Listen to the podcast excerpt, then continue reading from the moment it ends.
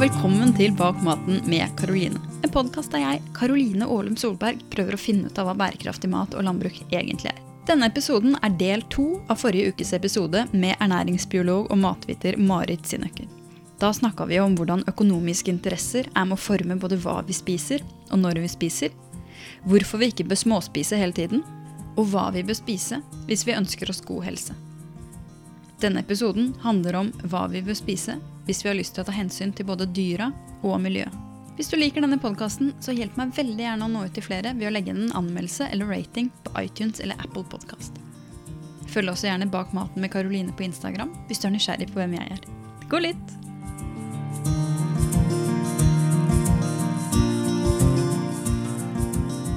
Hei, Marit. Velkommen tilbake. Takk, takk. Da eh, tenker jeg vi skal bare begynne rett på. Eh, der vi slapp eh, forrige gang. Og vi begynte så vidt å bevege oss over i, eh, i dyrevelferd. Ja. Under spørsmålet 'hva skal vi spise'? Så, så dette blir liksom eh, 'hva skal vi spise med hensyn til dyrevelferd', da. Um, og jeg, jeg, du la ut en post for litt siden på Instagram som jeg syns var veldig fin. eh, som, du, eh, som, du, spør hvor mye av maten vi eh, produserer, krever egentlig en duk over hodet, etter å ha fortalt historien om hvordan man tradisjonelt spiser den lille fuglen hortulan. Mm. Um, og jeg, jeg, måtte smile litt da du, da du skrev uh, akkurat det. Kan ikke du begynne med å fortelle den, den historien? Eh, om hortelanen? Mm. Ja, det kan jeg gjøre. Eh, jo, altså denne Jeg syns at denne historien om hortelanen den, den, illustrerer veldig fint hva det er vi holder på med. Um, hortelanen er en liten spurveaktig fugl, uh, og helt siden, um, altså helt siden romertiden så har det vært tradisjon for å fange denne fuglen fritt uh, i, i, Frankrike. Um, så det man gjorde med disse små hortelanene, var at man satte dem i små sånne mørke bokser etter at de var fanget. Og så ga man dem um, så mye de ville å spise av favorittmaten deres, som er hirsefrø. Så da sitter denne lille fangede stakkars fuglen inni en mørk boks, har ingenting å gjøre, men den har fri tilgang på det beste den vet, så det den gjør da, er rett og slett bare å spise. Uh, og den spiser seg stor og feit på noen uker, uh, og legger på seg et tykt spekklag rundt hele kroppen. Og når den har eh, oppnådd det, så blir den eh, druknet i armaniakk, og så blir den bakt i ovnen. Og så er det da dette tradisjonelle måltidet eh, hvor man skal spise hortolan. Det skal da spises med en duk over hodet. Eh, og det sies at grunnen til det er fordi at man skal gjemme sin skam for Gud. Og det tenker jeg at er, altså Når man hører den historien, så tenker man noe så grusomt. Altså mm. at man kan gjøre dette her. Og vite hva man holder på med. Ja, ikke sant? Man vet mm. hva man holder på med. Man skammer seg inderlig, og så gjør man det allikevel. Eh, og så syns jeg at det er slående hvor likt det er det vi driver på med når vi spiser dyr uten å ta hensyn til dyrevelferden. Ja, for, Fortell litt om det. Hvilken relevans har den historien egentlig i dag? Nei, altså den er jo Det er jo omtrent det vi holder på med i det vi kaller for altså, konvensjonell industrikyllingproduksjon. Eh, den pågår jo ikke under noe bedre forhold enn det denne hortulanen levde under. Hvordan ser det ut for de som tror at uh, kyllingproduksjon produksjonen i Norge er eh, tipp topp?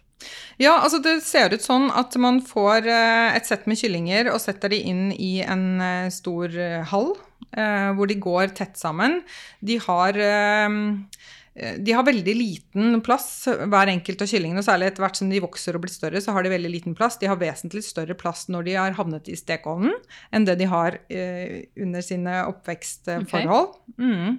Um, det som er mye av problemet med disse industrikyllingene, er jo uh, den rasen som har blitt brukt tradisjonelt, eh, og som brukes mest. Den rasen heter Ross 308, og den er avlet med en genetisk eh, feil som gjør at de har ikke appetittregulering.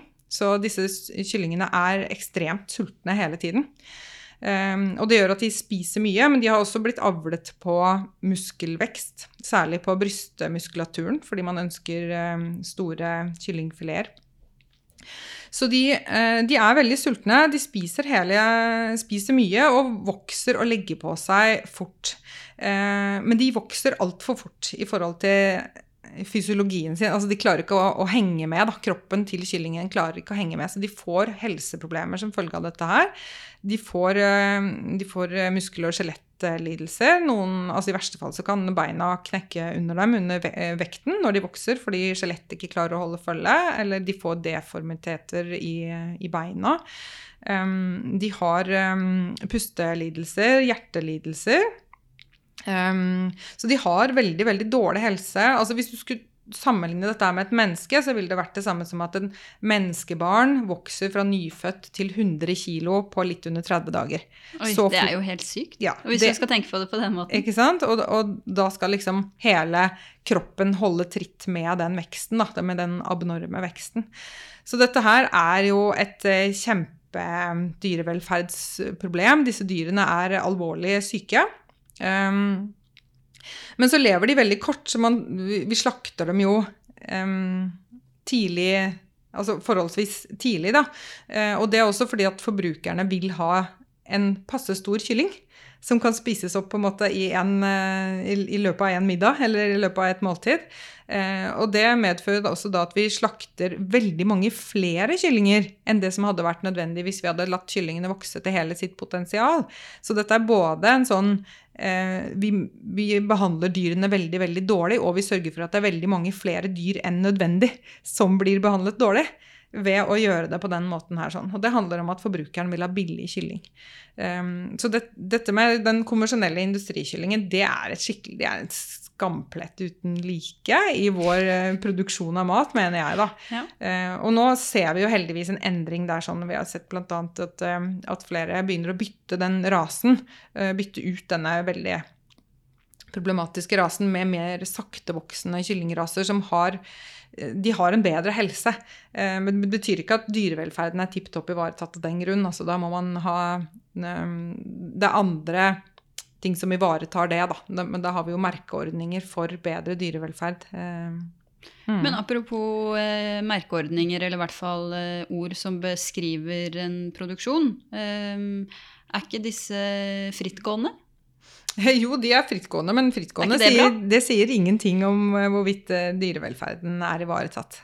Det gjør dessverre ikke det. Det mm, de, de, får lov til å gå fritt, men de, har, eh, de, lever under veldig problematiske forhold. Og de får jo ikke lov til å komme ut heller. ikke sant? Og det vet vi jo fra, fra dyr at de vil naturlig gå ut hvis de har muligheten til det. Så de holdes innesperra med, med kunstig lys og ja. Og så ser vi også at de får mye sånne sviskader på huden, bl.a. som følge av at, at, urin og avføring akkumulerer i dekket og, og ja.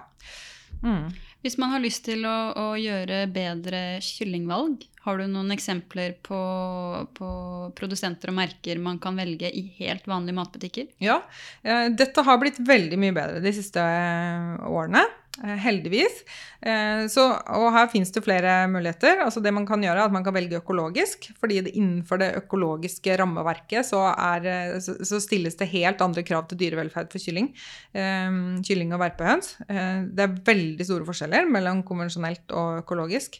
Så man kan se etter det.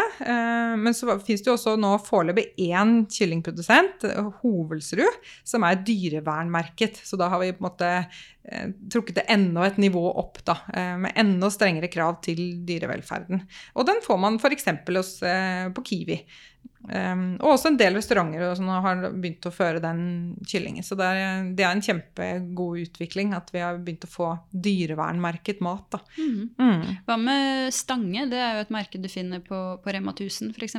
Ja, Stange finnes jo både i konvensjonell og økologisk uh, utgave, så da vil jeg helt klart anbefale å kjøpe de økologiske. De har jo da enda strengere krav til, til dyrevelferden. Mm. Er det noe mer du vil si om, eh, om kylling før vi, før vi, går videre til, til, neste produksjon? Jeg tenkte rett og slett at vi bare kan gå gjennom eh, husdyrproduksjonene én etter én, og så kan du dele tankene dine rundt dem. Ja, nei, er det noe mer jeg vil si? Jeg, jeg, jeg skulle ønske meg at, eh, at forbrukerne tenker, tenker, litt mer på disse tingene her. Sånn, og, og, kjenner litt på ansvaret vi har for å eh, at, at, når vi velger å spise kjøtt, da, så innebærer det at vi må ta ansvar for at det kjøttet er fremstilt på en, eh, en etisk forsvarlig måte. Og at vi slipper å gjøre det med en duk over hodet. Mm. Mm. La oss gå over til, eh, til egg, Ja. eggproduksjon og, og høner. Mm. Hva er tankene dine rundt denne produksjonen? Ja, det blir jo litt det samme som for kylling, eh, fordi at det, det reguleres også av det samme regelverket der, på en måte. Altså at den konvensjonelle produksjonen kan medføre at dyrene egentlig har levd under forferdelige forhold, eh, mens f.eks. Økologisk, eh, eh, det økologiske rammeverket stiller mye strengere krav til hvordan dyrene skal ha det. Sånn at eh, det å velge disse økologiske eggene, det tenker jeg det burde være en eh, no-brainer for eh, forbrukerne. Og det ivaretar utrolig mye bedre eh, dyrevelferd, da. Og det, forskjellene er veldig store mellom konvensjonell og økologisk når det gjelder eh, egg. Verpehøns. Mm. La oss gå over til eh, svineproduksjon. Mm. Hva er tankene dine rundt den, den, liksom, den helt vanlige svineproduksjonen i Norge? Ja, eh, nå var jo det eh, veldig lett å snakke om etter denne dokumentaren, ikke sant? Brennpunkt-dokumentaren, som sikkert veldig mange har fått med seg. Eh, Den som om- kom på NRK i, i, Var det i fjor? i 2019? Ja. Ja. Eh, og da ble det jo avdekket hvordan dette med Altså rett, ren og skjær mishandling av svin i, eh, i produksjonen er et systematisk problem. Um, sånn at når jeg formidlet om dette her, så fikk jeg jo egentlig ikke noe motstand i det hele tatt eh, på det, og det var veldig mange som allerede hadde fått med seg det, og det var liksom ja, ikke kontroversielt da, å snakke om det. Som jeg tenker at hadde, jeg- hadde jeg snakket om det et år tidligere, så hadde det antageligvis vært mye mer kontroversielt. Mm. Um, så, så der kom det jo en, en debatt i etterkant, eh, og jeg, er, jeg lurer litt på liksom, i hvor stor grad denne dokumentaren har bidratt til at folk faktisk har endret kjøpevaner.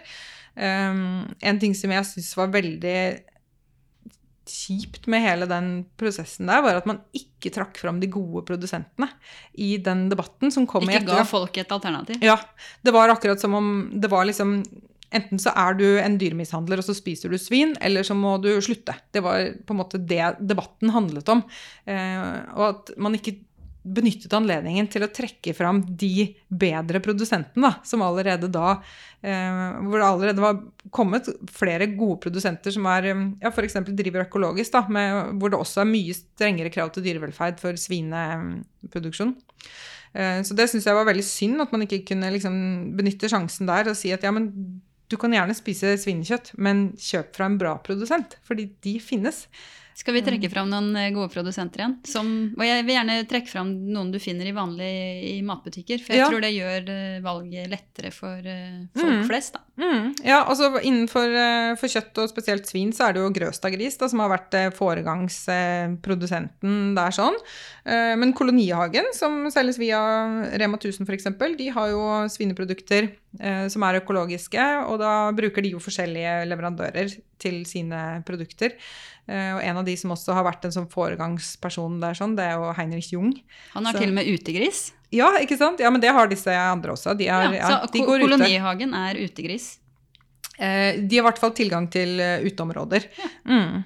Så um, ja. Eh, eh, og Heinrich Jung fikk jo eh, mat, matprisen Mm. mm, for um, I fjor. Ja, nettopp. Mm, av sitt arbeid. Så han har virkelig vært en eh, foregangsperson der, sånn. Og det er jo eh, mye interessant å lese om hvordan Altså hans filosofi om, om husdyrhold, da. Mm. Mm. La oss eh, gå over på, på kyr. Ja. Eh, Jeg har lyst til å, å begynne med å lese nok et sitat fra deg. ja. Det er ingen dans på rødkløver å bli gjort riktig hvert år og å melke 25 liter om dagen i ti av årets tolv måneder. En melkeku varer i snitt ca. fire år med dette prestasjonsnivået før hun slaktes. Men har, ikke, har vi ikke verdens beste beste dyrevelferd og beste, beste ku her i Norge? Det, det, høres ikke helt sånn ut når du, når du, skisserer det. Nei, altså ja, det står jo det på disse tankbilene f.eks. som kjører rundt med kanskje verdens eh, beste melk. Eh, og det, det kommer jo an på hvem du spør, da. Altså, eh, melka smaker godt, den, og den gjør oss godt og osv. Men eh, jeg tror at hvis vi hadde Hvis kua kunne velge, så ville hun nok helst eh, levd et litt mindre levd under litt mindre sånn eh, topprestasjonsforhold.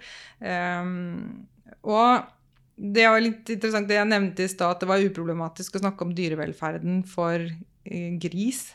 Eh, mens jeg fikk jo mye mer motstand på å snakke om dyrevelferden for kyr. Da. For vi vil at det skal være bra? Vi vil nok eh, gjerne beholde det bildet vi har sett av kyrne som er på beite. Og, Freia, altså, Freia-kua? Ikke sant? Den derre glade kua. Eh, og nå skal det jo sies at det pågår jo hele tiden arbeid for å forbedre dyrevelferden hos, eh, hos kyrne. Eh, men det er sånn som det er nå, så er det jo ikke optimalt. Det er ikke det. Og de, ehm, de skal ha tilgang på beiteområder eh, visse deler av året, men størsteparten av året så kan de jo faktisk stå på bås, altså bundet på bås, uten mulighet til å bevege seg, uten mulighet til å ivareta sine, eh, sin normale atferd. Eh, altså, og, og, kuene kan jo stå bundet og føde kalven sin uten å ha mulighet til å interagere med den kalven, uten å ha mulighet til å utføre den atferden som kua naturlig vil gjøre med en kalv når den akkurat har fått den. Ja, for jeg vet du også er opptatt av at, at man har en praksis i Norge på å skille ku og kalv. Mm. Si litt om det. Ja, uh, det er jo sånn det gjøres, da. fordi at uh, den melka skal jo gå til forbrukerne og ikke til kalven. Selv om, selv, om, studier har vist at det er ikke egentlig noen motsetning der. Vi kan godt la kalven får lov til å drikke av kua, og likevel så er, det, så er det rikelig igjen som kan gå til humant konsum. Da. Ja. Um, så um, men der er det ordninger på gang hvor man undersøker hvordan kan vi bedre dette her, sånn at kua og kalven kan få lov til å være sammen på en måte som også ivaretar melkeproduksjon. Men, så her er det noen innovative løsninger på gang um, som er forsket fram bl.a. på initiativ fra um, Veterinærinstituttet og med støtte fra Dyrevernalliansen bl.a. Så, så jeg håper at det kommer noen forbedringer i framtiden. Men akkurat sånn som det er nå, så er det ikke et optimalt um, system. Og dette er blitt ganske hardt kritisert. Eh, hva slags Altså kuas dyrevelferd i, eh, i melkeproduksjonen, da. Mm. Og hvis vi har lyst til å ta gode valg for, for kua, hva, hva, velger vi? Ja, um, nå er det sånn at um, det økologiske um, rammeverket der gir bedre dyrevelferd, absolutt. Altså de kuene har tilgang på utearealet bl.a. Um, i mye større grad uh, osv. Men akkurat dette med ku-kalv, denne uh, ja dette samarbeidet, holdt på å si. mellom, eller samværet, heter det selvfølgelig. Ja.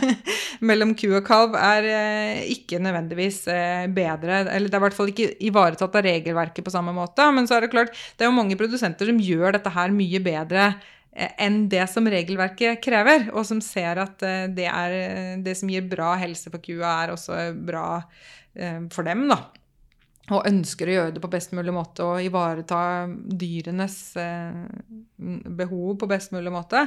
Så det er ikke gitt at ikke det er Eller det er mange som driver bedre praksis enn det som er regulert av lovverket. Det det, er, nok vanskelig å, å finne, da, hvis, man, eh, hvis, alt går inn i, inn i det samme, ja. samme systemet. Men sant? da gjelder det kanskje å, å, finne den Hvis man er veldig opptatt av dette med kalv og ku og, mm. og dyrevelferd, å finne sin lokale bonde, da. Og, ja, og finne, ut, ja. finne ut uh, uh, ja, finne ut hva mm. slags praksis de har. Ja, noen, men det som er litt problemet der, sånn, er at det er, jo, det er jo ikke sånn at det bare er rett fram for bonde å selge melka si til forbrukerne eh, direkte. Det er jo også regulert, dette her, da. Mm.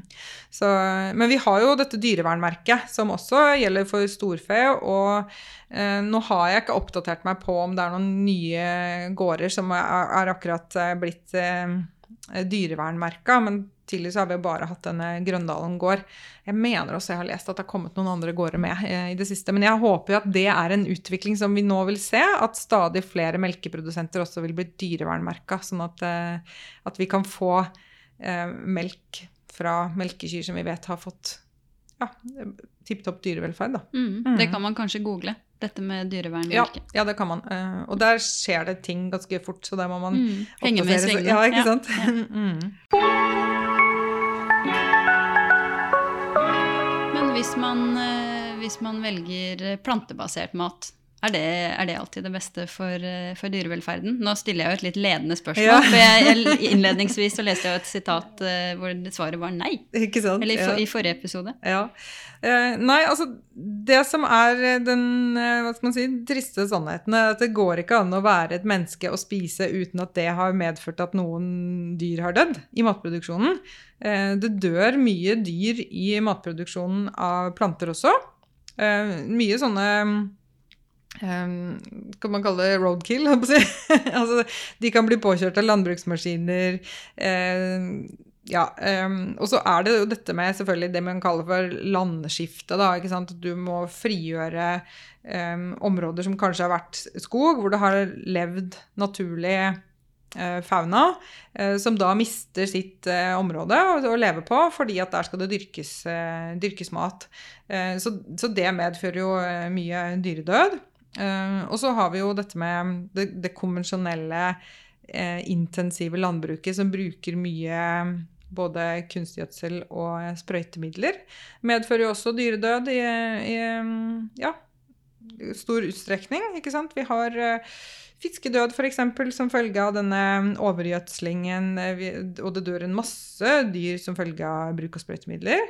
Både, altså Helt nede fra de dyrene vi ikke kan se, ikke sant? bitte, bitte små insekter, men også opp til større pollinerende insekter og, eh, og ikke minst fuglene som lever av disse insektene. Det er jo veldig mange fugler som som har fått redusert bestandene sine pga. bruk av sprøytemidler.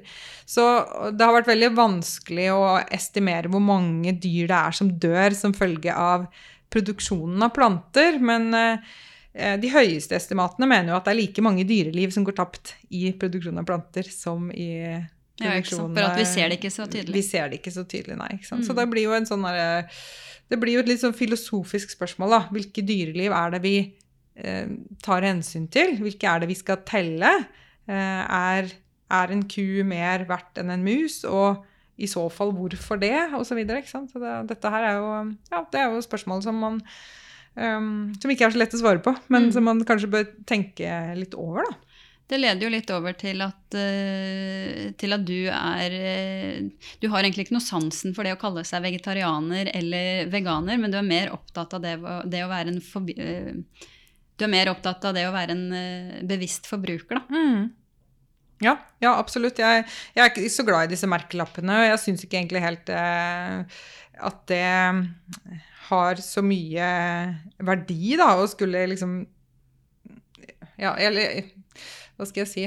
Um, hvis man skal gjøre noe for å være et godt menneske, og for å drive verden framover i en, en god retning, så mener jeg at man gjør det i større grad ved å være en ansvarlig forbruker eh, enn ved å si at nå skal jeg bli veganer, og så skal jeg bare velge veganske produkter, uten å sette seg inn i hva det faktisk eh, innebærer, da.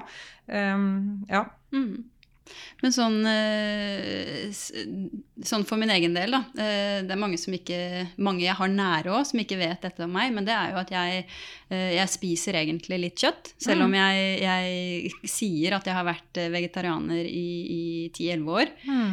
Og det har jo rett og slett med at, at jeg har ikke lyst til å bli servert kjøtt av andre. Mm. Um, og jeg syns liksom det er grenser til hvor, den derre, eh, hvor langt jeg kan dra den derre uh, Ja, jeg er vegetarianer, jeg vil ikke ha ultraprosessert mat, jeg vil ikke ha det, jeg vil ikke ha det. ikke sant? Og så Mm. kommer jeg bort og så sånn Å ja, kjøttet ditt er heller ikke bra nok for meg, men jeg kan spise det og ikke Ikke sant?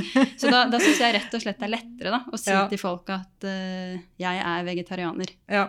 ja, men det skjønner jeg, og det er kanskje en, en, smart, eh, en smart løsning. Mm. Fordi Da har jeg i hvert fall makt selv over Ja, eh, ja, hvilket kjøtt jeg spiser. Altså, jeg, jeg vil ikke spise kjøtt fra mishandla dyr. Jeg har ikke lyst til det selv. Så jeg skjønner godt hva du, hva du sier. Men, men det er jo vanskelig, som du sier, kjenner jo også mye på det der med at man vil ikke ha det, og man vil ikke ha det, og man er, er kravstor, en, kravstor forbruker. Da. Altså en ansvarlig forbruker er også en kravstor forbruker. Eller en man si. kravstor gjest. Ja, ikke sant. Så, men jeg prøver på en måte Hvis jeg er bedt bort til noen, så, så tenker jeg at det er unntaket. Altså jeg feier, feier godt for egen dør, da. Ja. Eh, og så eh, bryr jeg meg ikke så mye om det hvis jeg er på, på besøk. Men, men hvis jeg kan velge hva jeg skal spise, Mm. så spiser jeg ikke ultraprosesserte pølser fra eh, ja, konvensjonell produksjon, altså. Det gjør jeg ikke. Mm. En annen ting jeg kjenner på, er at jo mer jeg lærer om mat, jo vanskeligere blir det å ta, eh, ta matvalg. Og ikke bare sånn eh, i butikken og sånne ting, men eh, hvis det ikke er perfekt, da, så, så, så går jeg rundt med skam og, og, og, og liksom eh, slår meg sjøl i huet, da. Eh, jeg, jeg gir meg liksom jeg, jeg driver og øver på det her, men jeg gir meg ikke, ikke fred, da. Fordi jeg Mm. kan Jeg syns nesten jeg kan for mye om mat, da. Mm. Hvordan, hvordan er det for deg? Ja, det er jo sant? Det er både en velsignelse og en forbannelse. fordi at det, det fører til at det, jeg og familien min eh, spiser mye bedre enn det vi hadde gjort eh, ellers. Selvfølgelig. Men Mm. samtidig så er det jo Jeg kjenner jo igjen det du sier der. Altså jeg kan så mye om mat at det kan både være problematisk og eller jeg kan bli stressa av å ikke få tak i den maten jeg ønsker, f.eks. Og eh, ja. Um, men jeg, det jeg har på en måte Jeg prøver å finne måter å, å deale med dette her på en bra måte på. Da. Og, og, og dette, vi snakket om disse tre hovedtemaene. Ikke sant? Det er helse, miljø og dyrevelferd. Jeg har slått meg til ro med at jeg kan ikke alltid krysse av i alle de tre rutene. Nei. Men jeg spiser ingenting som ikke krysser av i noen av dem. Ja. Ikke sant? Hvis det bare krysser av i feil ruter, da faster jeg heller. Ja. og det er bare bra for meg. ikke sant? Så Ja. istedenfor da å, å ta et eller annet uh, i farta bare fordi at man tenker at jeg burde spist et eller annet, og så ender man opp med et veldig dårlig valg både for helse, miljø og dyrevelferd, så Mm. tar jeg heller et godt valg om å faste til neste måltid og prioritere da bra mat til det. Så jeg tenker at det er en fin måte å begynne på, da, hvis man vil begynne å gjøre bedre valg. Ikke tenke at man kan endre alt på en gang. Man orker jo ikke det. Det er jo ingen som klarer det. Nei, og det går jo utover eh, matgleden. I hvert Ja. fall kjenner jeg at det har, har gjort det litt for meg, da. Mm. Men jeg må også si at, um, at jeg får jo en intens matglede av å spise mat, og eller også både på en måte kjøpe mat, skaffe meg mat som er veldig, veldig bra. Eh, som er produsert på de absolutt beste måter fra dyr som har hatt tipp topp dyrevelferd osv. Så, videre. så så gleder jeg meg veldig mye over å spise det og lage det og jobbe med de råvarene. Og at det, det, gir, meg, det gir meg masse livskvalitet. Da. Og det som også er bra med det, er at jeg vokter disse råvarene som om det er gull. Ikke sant? Hvordan ser det ut? Nei, altså jeg, Det er jo ingenting som blir dårlig i kjøleskapet eh, av det. Og også det, man har, det vi har laget og spist. Det er jo ingenting, det er jo ingen rester som går i søpla. Altså det er jo eh, Ja, vi verdsetter den maten så høyt, da. Så, så det blir ikke noe matsvinn i det hele tatt. Og det er også, tenker jeg også er en, en litt sånn ting man ikke tenker over da, når man, hvis man bruker argumentet ja, men det, dette er så dyrt, og dette, dette, det blir vanskelig for meg, osv., så, videre, så ser man ikke det at ja, men kan, det kan hende at det er noen andre positive effekter som slår inn som følge av at man begynner å gjøre andre valg, da, og, ta på seg på en måte disse nye brillene og se på maten med noen nye øyne, så får man plutselig noe annet Du får en ny Igjen. respekt for maten. ja, ikke sant? En ny respekt for maten, og ikke minst for de som produserer den. Altså Mm. både dyrene, Ja. som blir maten vår, men ikke minst også bøndene, har veldig, veldig mye si, sympati og respekt for bøndene, de som produserer maten vår, og ønsker at, eh, at de skal ha best mulig forutsetninger for å gjøre det på best mulig måte da, fremover, og at jeg håper at det også vil bli lettere å være en bra bonde fremover. At vi kan Mm. hjelpe de som virkelig Altså disse spydspissene i matproduksjonen. At vi kan hjelpe dem til å gå foran og vise vei, og at flere kan komme etter. Og kanskje vi kan få liv i flere mindre, mindre gårdsbruk med mer eh, Ja, med bra produksjon, da. Mm. Jeg syns jeg ser den utviklingen allerede. At det er eh, mange sånne småskalaprodusenter som klarer å leve av å lage gode produkter med, med både miljø og helse og dyrevelferd ivaretatt, liksom. Mm. Du nevner miljø. Jeg tenker vi, vi går over til den, eh, den siste underkategorien av hva skal vi spise, nemlig, nemlig miljø. Ja. Um, kan ikke, du, kan ikke du begynne bare å nevne noen ting man, må, man bør være obs på hvis man har lyst Ja. til å spise miljøvennlig? Ja, ikke sant. Eh, Dette er også en av mine kjepphester som jeg driver og rir rundt på. At eh, miljø, når det handler om mat, det handler jo ikke bare om klimagasser. Men i media så handler det jo bare om klimagasser, ikke sant. Eh, Og det er jo et veldig eh, utilstrekkelig bilde av eh, hva slags miljøbelastning maten vår har. Eh, Så det er jo, eh, har jeg prøvd å nyansere det bildet litt, og vise at det er ikke så enkelt at man bare kan måle klimagassutslipp og peke på de som spiser kjøtt og si kjøttskam. Fordi at hvis vi begynner på den måten der, eh, så er det veldig mange andre matvarer som også skal eh, ha en skammerkelapp på Ja, seg. hvis man vil bruke skam i det hele tatt. Ikke sant, hvis vi skal bruke det i det hele tatt. Så, det syns jeg kanskje at vi ikke skal. Eh, Men igjen, der handler det om at vi må ha vi må ha flere tanker i hodet, og vi må se på flere forskjellige faktorer når det gjelder dette med, med klima. Da. Eh, Og dermed så blir sånn eh, debatter om klimamerking på mat, som bare da handler om klimagasser, det blir jo også veldig forenkla og veldig misforstått, mener jeg.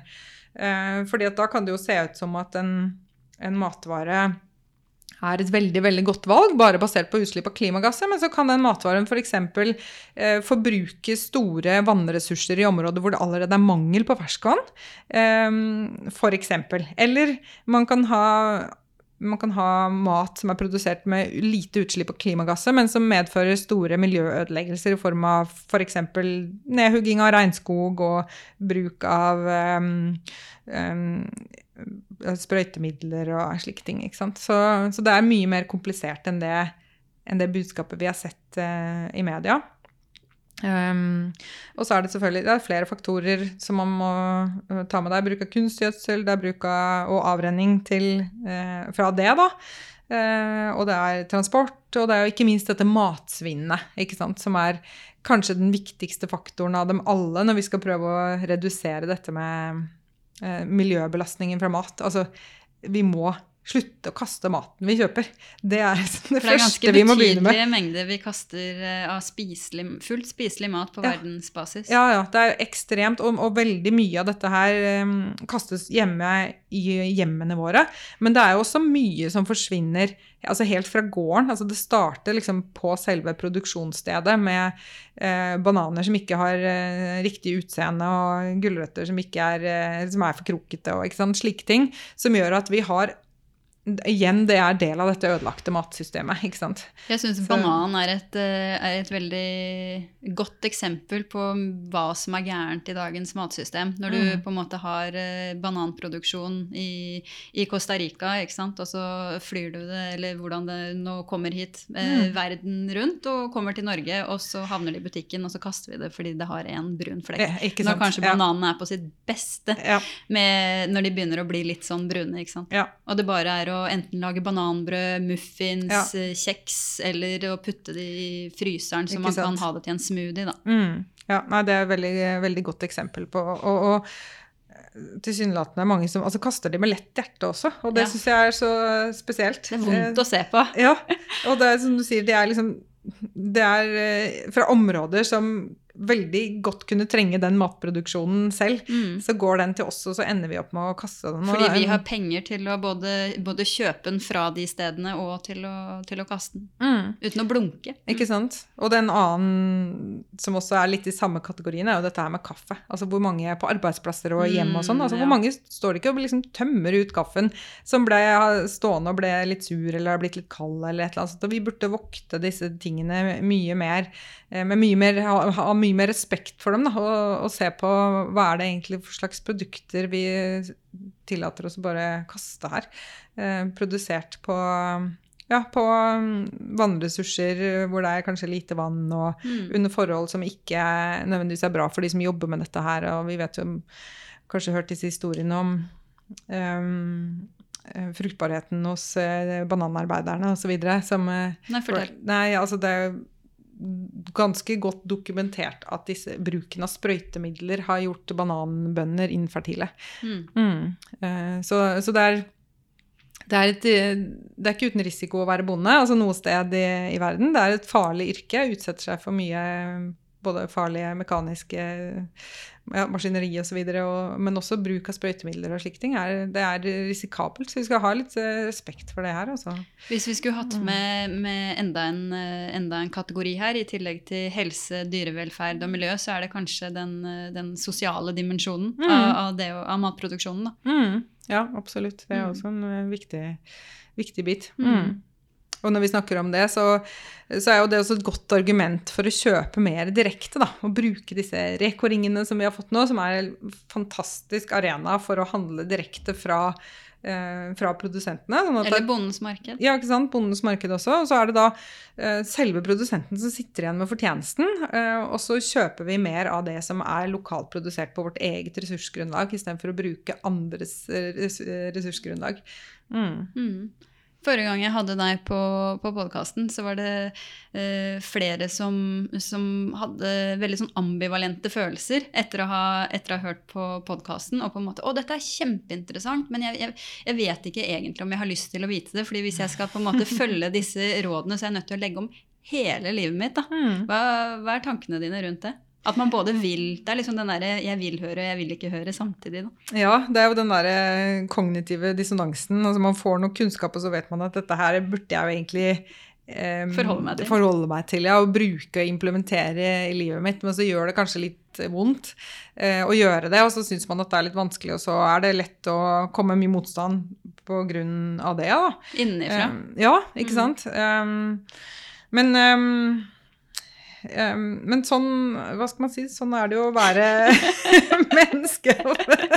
det er ikke alltid alt så, Altså, skal det være så lett? Skal alt være lett, ja. Skal alt være lett, og skal det være liksom lettvin, mest lettvinne løsning hele veien, hvis vi da ser at den løsningen ikke er bra for oss? Mm. Det er jo det som må være motivasjonen og drivkraften tenker jeg, til å endre noe. At det gjør det fordi at vi vet at dette her ikke er bra. Enten det er for oss, eller om det er for dyrene eller for miljøet. Eller, når, det som er interessant, da, at jeg ser jo at veldig ofte så sammenfaller jo disse tingene her. ikke sant? Den maten vi kan velge å spise som er best for oss, er jo Det er jo råvarer som er lokalt dyrket på norske eh, Eller fremstilt på norske ressurser med bruk av Altså enten økologisk eller bruk av best praksis. Da, at man at man minimerer så mye man kan, f.eks. bruk av sprøytemidler, og gjør så godt man kan for at ikke man skal tilføre noe som er skadelig i maten. Um, og da, da, er det jo en del matvarer som liksom utmerker seg, og det er jo egentlig tradisjonsmaten vår. Det er jo det vi har spist. Hvis du går to ja. generasjoner tilbake, så er det det våre besteforeldre og deres besteforeldre igjen spiste. Det er jo kanskje den maten vi skal vende tilbake til. Så er det egentlig så innmari vanskelig? Jeg, jeg mm. vet ikke om jeg er med på det premisset. Vi må bare tenke litt annerledes. Ta utgangspunkt i de råvarene som vi kan produsere bra her, og så begynne å lage mat av råvarer igjen. Og det er ikke så mye vanskeligere enn det. Det er mange, veldig mange matvarer som, eh, som vi kunne bruke i mye større grad eh, enn, det, enn, det, vi gjør. Og det er f.eks. disse rotgrønnsakene. Altså potet. Ta tilbake poteten. Vi har jo nesten slutta å spise matpotet, liksom. Mm. Eh, og begynt å spise masse ultraprosesserte produkter istedenfor, som vi vet ikke er bra for oss. Ja.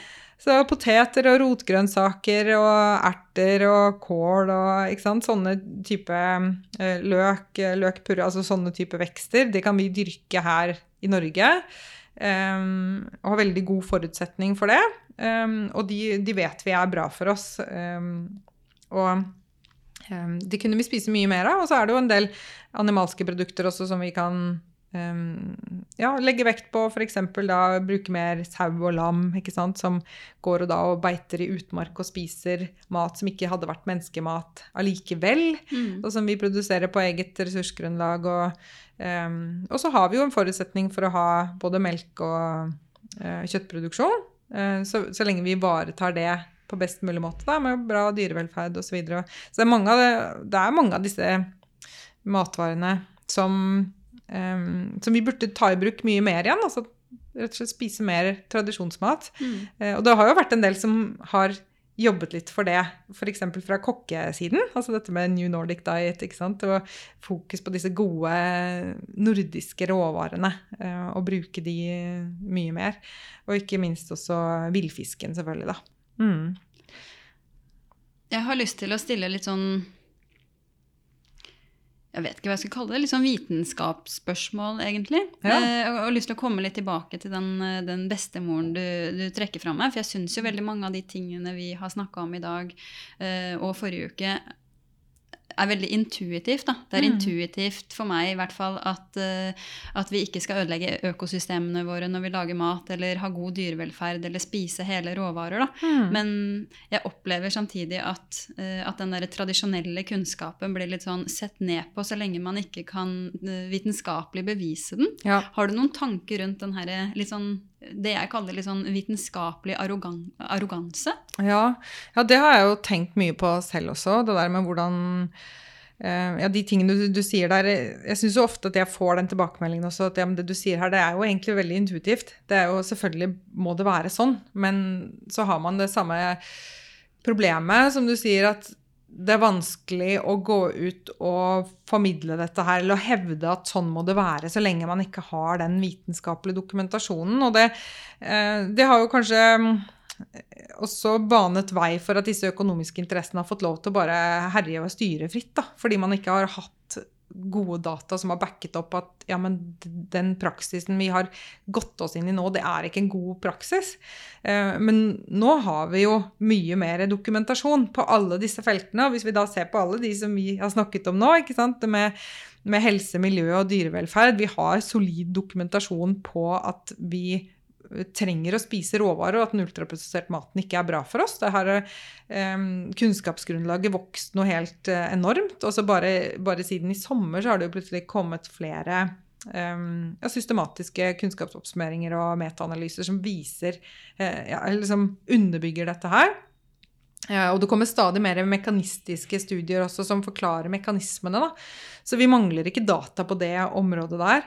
Eh, Og dette med dyrevelferd har jo også vært et område som, eh, hvor det har blitt skaffet til vei utrolig mye nyttig, bra dokumentasjon på hva er det egentlig dyr eh, trenger for å ha det bra. Tidligere så hadde vi en sånn, vi hadde gjort en sånn antakelse om at så lenge de er i live og reproduserer, så er det liksom bra. Da har dyra det bra. Ja. Eh, og nå vet vi at det stemmer ikke i det hele tatt. Vi har lært mye mer om å tolke deres atferd og eh, ja, kunne bruke det som mål på hvordan dyr faktisk har det, da. Jeg, jeg Um, tror liksom det jeg tenker på, er hvorfor må vi dokumentere at vi skal behandle dyr bra? Ja, hvis du skjønner, ja, hvis du skjønner hva jeg mener. må vi dokumentere det? Eh, ja, nei, men um, Jeg synes jo, hvis jeg skal si det litt barnslig, det er jo helt dust. det er litt dust.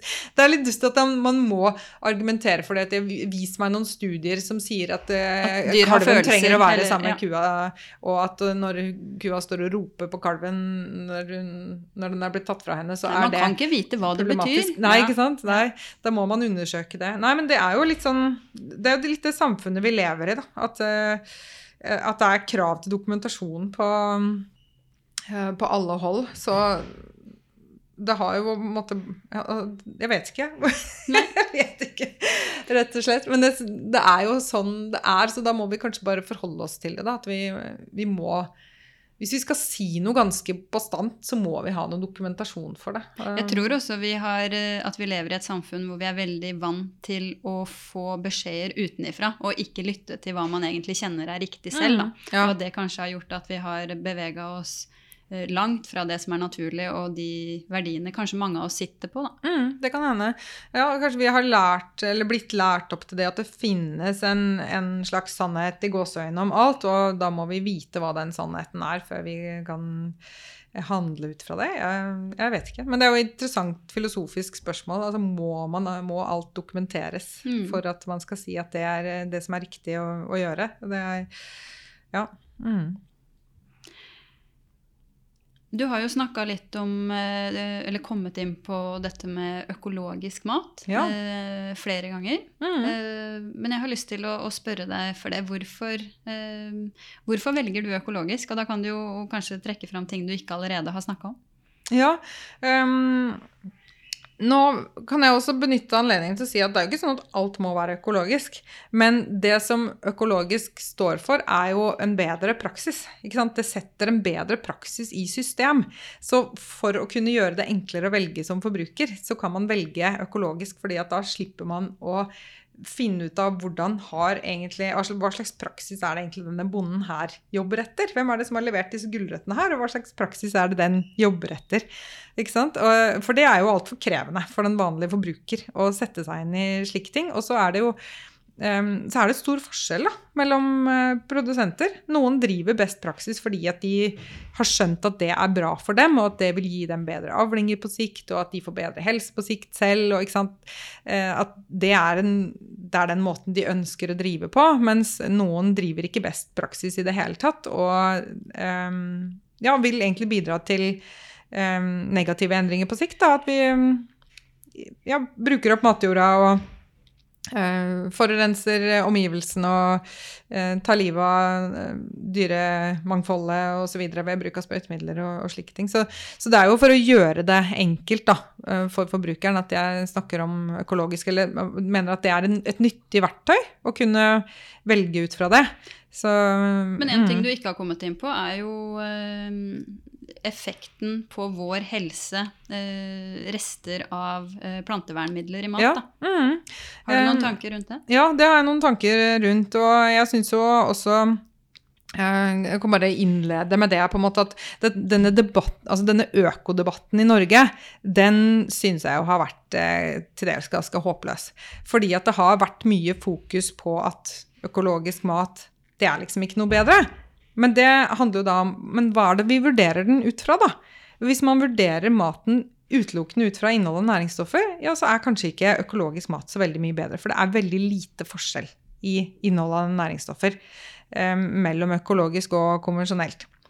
Eh, og så kan man jo vurdere på smak, f.eks., som de gjorde i Folkeopplysningen, hvor de latterliggjorde dette med smak. Altså man kan ikke smake forskjell på økologiske eller konvensjonelle matvarer.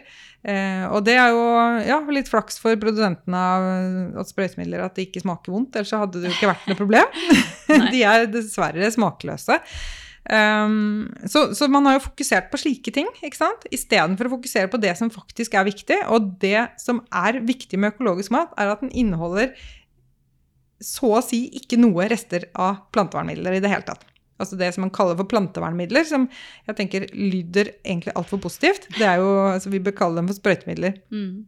Um, og greia med de, altså, Så har vi jo sagt da, at disse sprøytemidlene er jo ikke farlige for oss. ikke sant? For de er jo da spesifikt laget for å gå på f.eks. ugress, eller på insekter, eller på sopp f.eks. Og vi er jo ikke ugress eller insekter eller sopp. Eh, og det er jo helt riktig, men så har vi jo f.eks. et yrende liv av mikroorganismer inni tarmen vår, eh, eller hele fordøyelsessystemet vårt, som blir påvirket av disse sprøytemidlene. Så det er jo en av de effektene vi ser nå i studier, at oi, men disse stoffene de påvirker jo faktisk eh, den delen av vår som er en del av vår fysiologi, på en måte, da, som også påvirker oss. Um, og så ser vi jo også det at um, altså Det er også et annet problem, og det er at disse sprøytemidlene, når de er testet for godkjenning, eh, så har man jo testet ett og ett stoff. Og så eksponerer vi jo, vi jo ikke på noen måte for ett og ett stoff. Vi får i oss mange stoffer samtidig. Og vi har ikke målt effekten av det. Vi har ikke sjekka det. Det er litt sånn typisk for samfunnet vi lever i, å se på ting eh, enkel, stykkevis og delt, ja. og ikke i en sammenheng. Ikke sant. Eh, og da får man det man, man, kan jo få det som man kaller additive effekter, altså at 1 eh, pluss 1 pluss 1 er 3. Mm. Men man kan også få det som man kaller for synergiske effekter, eller samvirkningseffekter, hvor 1 pluss 1 pluss 1 plutselig blir 6. Mm. Og dette her har man jo sett i dyrestudier. Ikke sant? Der ser man at den effekten der faktisk oppstår. Um, og igjen så er det jo da dette med at disse stoffene er testet på dyr. Så hvis sånne effekter oppstår i dyr, så bør vi absolutt rope varsko når vi ser, ser at det skjer. Da, fordi mm. da er det grunn til å tro at det oppstår i mennesker også. Og så har det etter hvert begynt å komme studier som viser en sammenheng mellom høyt inntak av økologisk mat hos mennesker og redusert forekomst av flere av disse sykdommene som er da denne sykdomsbyrden som vi jobber med å redusere. Det handler om eh, diabetes type 2, metabolsk syndrom, kreft f.eks. Så vi finner jo igjen disse samme helseutfallene. Um, som vi sliter med i befolkningen generelt, og som man også da ser i disse uh, dyrestudiene, f.eks., hvor man gir kombinasjoner av stoffer. Da. Så dette tenker jeg er grunn til å virkelig la varsellampene lyse skikkelig. Og, og, det er jo stadig flere studier som har vist at vi har disse stoffene i kroppene våre. Det er bare å analysere på urinen, f.eks. Så finner man jo igjen mange mange, mange slike stoffer. Og så ser man at hvis man spiser da økologisk mat, så, eh, så stuper jo innholdet av disse stoffene. Så de går jo ut fort av kroppen igjen også. Mm. Så, og hva, er det egentlig de gjør i kroppene våre? At vi mm. er så komfortable med det uten å faktisk ha undersøkt det, det syns jeg er veldig, veldig spesielt. Og så er det jo mange som sier at ja, men det er jo, det er jo nesten ikke mm, rester av sprøytemidler i maten vi spiser. Men hvis man går inn i Mattilsynet sine rapporter og ser eh, De legger ut en rapport hvert år for dette her. Eh, så kan vi se at jo, det er det. Det er rester av sprøytemidler. Eh, og de er ofte da ikke over grenseverdi, men så er det igjen disse kombinasjonseffektene, da. Så, så f.eks. de siste tre årene så har man jo funnet særlig rosiner f.eks. er en av de som utmerker seg, finner liksom henholdsvis eh, 16 og 14 og 16 forskjellige sprøytemidler i rosiner da, i prøver. Ingen av dem er, er over sant? Og noe barn spiser mye. Ja. Og ingen av dem er da over grenseverdien. Men hva, er, ja, ja, ikke sant? Men hva er effekten av å kombinere 16 forskjellige sprøytemidler i mm. en matvare som vi da gir til barn? Det er det vi kaller cocktaileffekten. Det er det vi kaller cocktaileffekten. Som vi egentlig ikke vet så mye om, som ja, du sier. Vi vet alt, alt, altfor lite om den. Så jeg tenker at dette er et kjempe Det er et litt skremmende eksperiment. Mm. Og et veldig godt argument for å velge økologisk, fordi det det er den eneste måten vi faktisk kan redusere vårt, eh, vår belastning av fremmedstoffer på. For vi får i oss andre fremmedstoffer også. Vi får i oss miljøgifter gjennom maten og, og slik. Det er Eh, de klarer vi ikke nødvendigvis å redusere eller å bli helt kvitt. Da.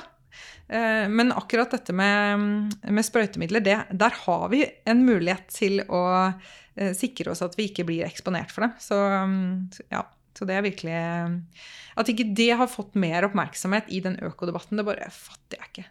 Det er veldig, veldig problematisk.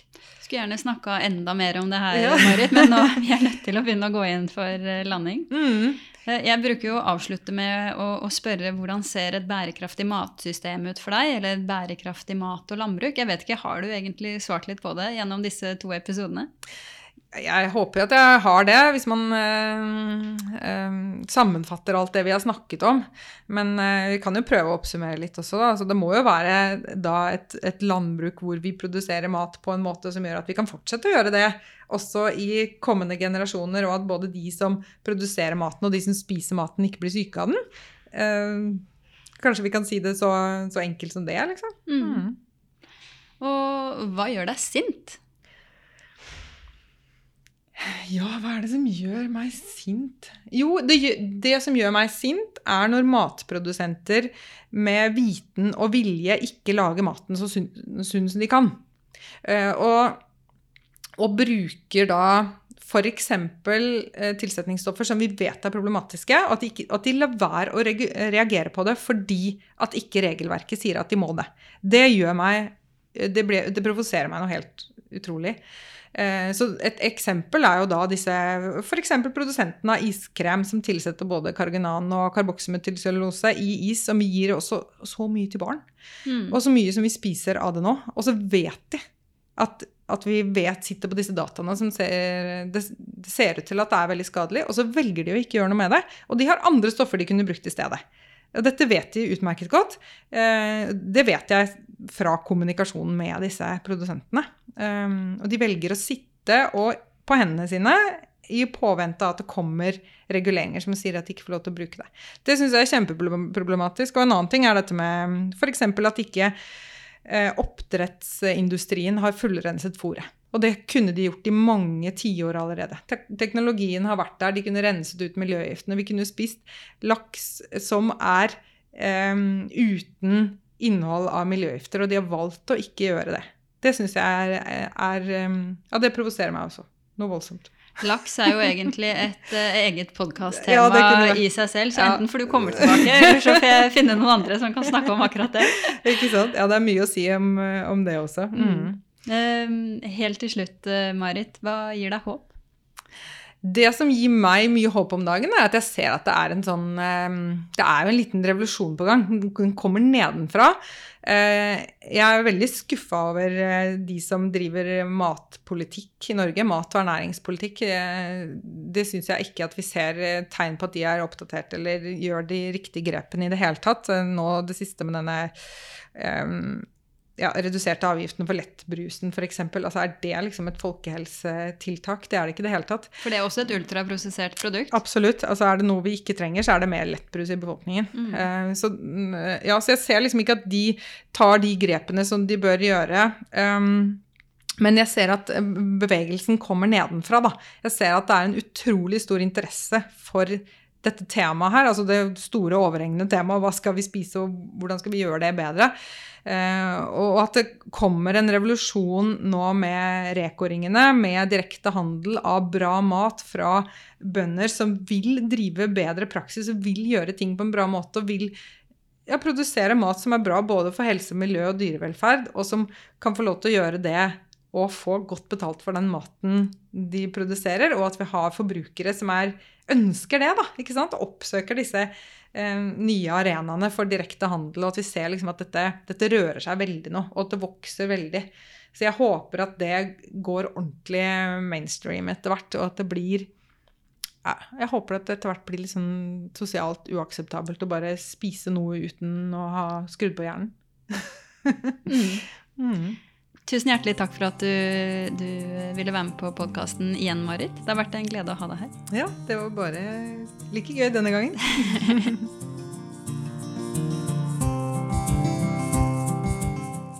Denne episoden er laget av meg, Karoline Aalum Solberg. Og musikken er produsert av Creo og Li Rosever. Om du vil dele ris eller ros, så finner du meg på Instagram under Bak maten med Karoline, og karoline.bakmaten.no. Tusen takk for at du hørte på denne episoden, og husk at det utgjør en stor forskjell om du legger igjen en rating eller anmeldelse på iTunes eller Apple Podcast. Vi høres igjen neste uke. Ha det!